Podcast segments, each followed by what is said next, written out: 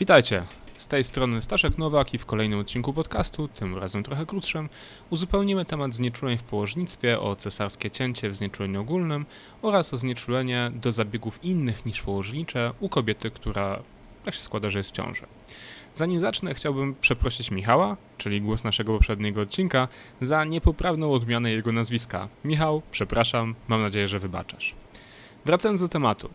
Czy znieczulenie ogólne w ogóle ma zalety w porównaniu z, ze znieczuleniem podpajęczynkowym czy zewnątrzoponowym u, u kobiety, która rodzi? No oczywiście, że ma. Ekspresowe wprowadzenie, lepiej, lepsze zabezpieczenie dróg oddechowych, mniejsze ryzyko hipotencji to tylko niektóre z jego zalet. Niestety są także i wady. Niektóre na tyle istotne, że przecież nie wszystkie cięcia robimy dzisiaj w znieczuleniach ogólnych. Większe ryzyko aspiracji, wysoka częstość awareness, hipokapnia u matki, która może prowadzić u kwasicy, do kwasicy u płodu, e, czy ryzyko hipoksemii przy trudnych drogach oddechowych. To najważniejsze z konsekwencji, z którymi musimy liczyć się i my, i pacjentka.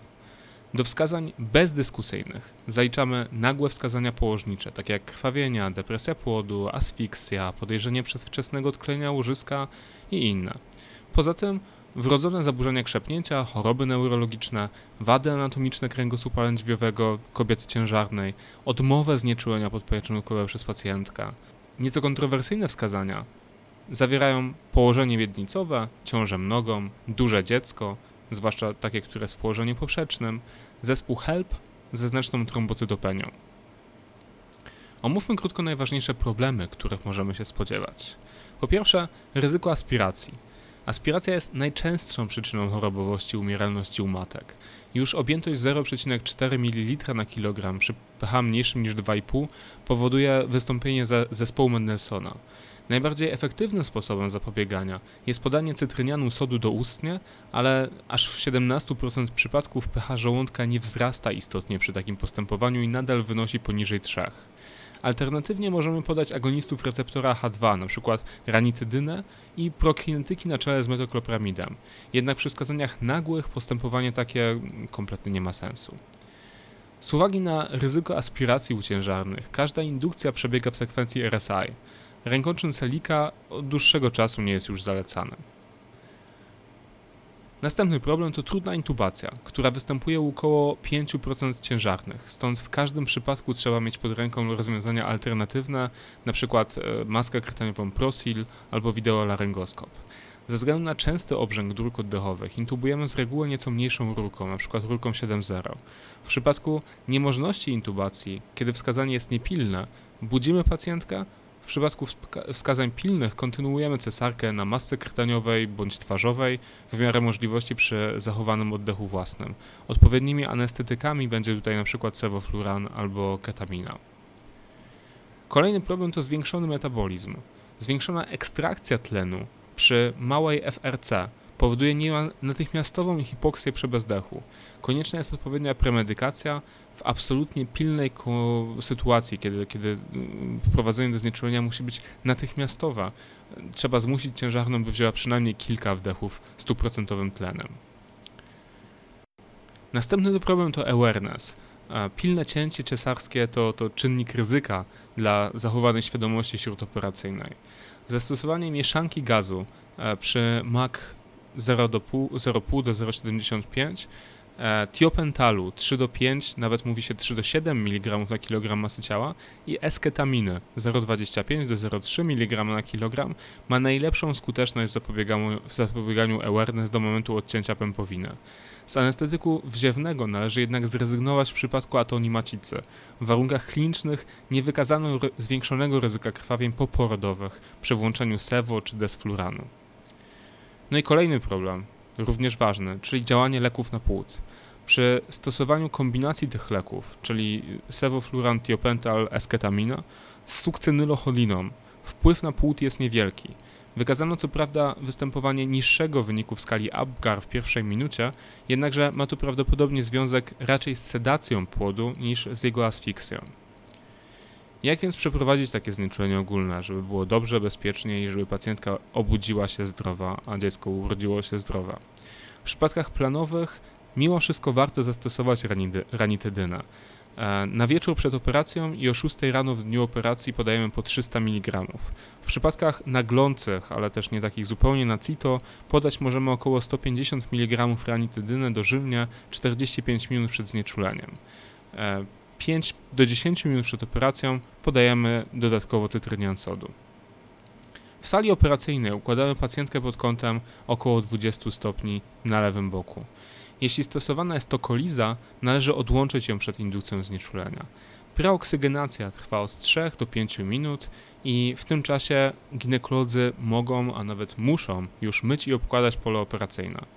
My upewniamy się, czy pod ręką mamy duży ssak, najlepiej, żeby był podłączony do ssaka operacyjnego, bo to zapewni nam odpowiednią siłę odsysania w przypadku masywnej regurgitacji.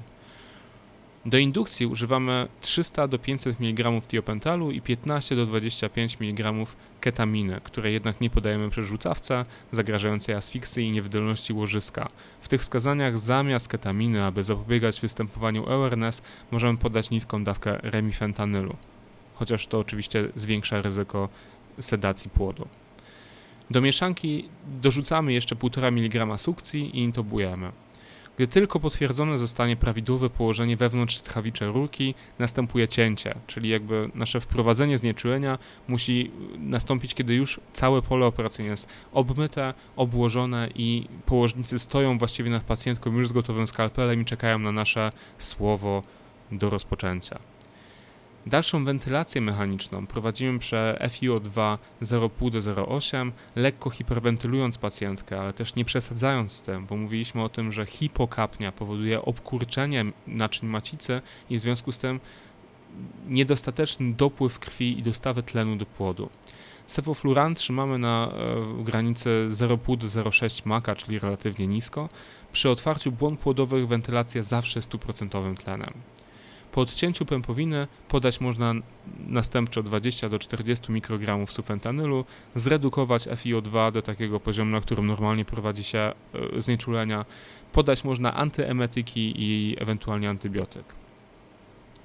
Przy tej okazji powiedzieć możemy jeszcze kilka słów o znieczuleniu ciężarnym do zabiegów niepołożniczych. Szacunkowo od 1 do, od 1 do 2% wszystkich ciężarnych będzie musiało w czasie ciąży przejść jakąś operację. Głównie są to operacje wyrostka, torbieli jajnika, guza piersi, czy też podwiązania szyjki macicy. Główne problemy, z którymi musimy liczyć się w tych sytuacjach, to poza omówioną już anatomią i fizjologią, teratogenne działanie leków, asfiksja lub przedwczesne wywołanie porodu. Teratogenne działanie leków zachodzi wtedy, gdy leki działają odpowiednio długo, w odpowiednio wysokim stężeniu i w odpowiednim okienku czasowym, czyli wtedy, kiedy płód jest na takie działanie podatny. Pierwszy trymestr to czas organogenezy, w którym wrażliwość na teratogeny jest najwyższa. Po 16 tygodniu efekt jest tam wyraźnie słabszy, chociaż na przykład mielinizacja układu nerwowego kończy się dopiero miesiąc po urodzeniu. Lekami często używanymi w anestezjologii o udowodnionym działaniu teratogennym są m.in. anksjolityki, salicylany czy opioidy. Większość innych leków wywołała efekty teratogenne u takich czy innych gatunków zwierząt. Na przykład izofluran powoduje rozszczep podniebienia u myszy, ale nie u szczurów. Wydaje się, że zarówno opioidy w dawkach niepowodujących zahamowania ośrodka oddechowego, jak i leki miejscowo znieczulające nie mają efektu teratogennego. Asfiksja związana jest z hipoksją i z kwasicą. Może być powodowana naturalnie przez hipoksję u matki, hiperwentylację u matki, bo hipokapnia, tak jak powiedzieliśmy, obkurcza naczynia maciczne, powoduje zmniejszoną dostawę tlenu u płodu i przez to kwasicę u płodu. Hipotensję matki oraz ucisk żyły głównej dolnej, ale też hipowolemię czy depresję miokardium spowodowaną przez anestetyki wziewne.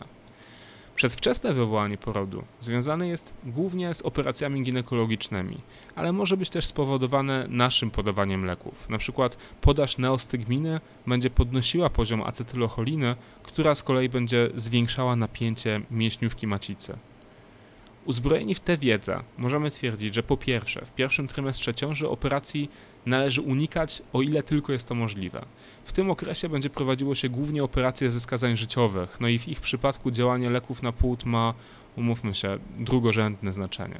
Opisywano nawet przypadki urodzenia zdrowych noworodków przez matki, które przetrwały głęboką hipotensję, hipotermię, założenie bypassów, e, a jeśli jesteśmy w sytuacji, że bez operacji matka umrze, nie ma się co zastanawiać, właściwie nie mamy wyboru.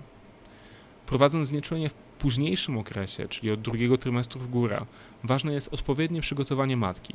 W rozmowie przed znieczuleniem trzeba skupić się na redukcji jej stresu i strachu. Tak jak mówiliśmy przy okazji cięcia cesarskiego, tak od drugiego trymestru rozsądne jest podanie ranitedyny, czyli znowu 300 mg doustnie na wieżu przed operacją i w zależności od źródeł kolejne 300 mg doustnie rano w dzień operacji albo 150 mg dożylnie na około 45 minut przed operacją. No i do tego podajemy cytrynian sodu, aby obniżyć, przepraszam, aby podnieść pH treści żołądkowej.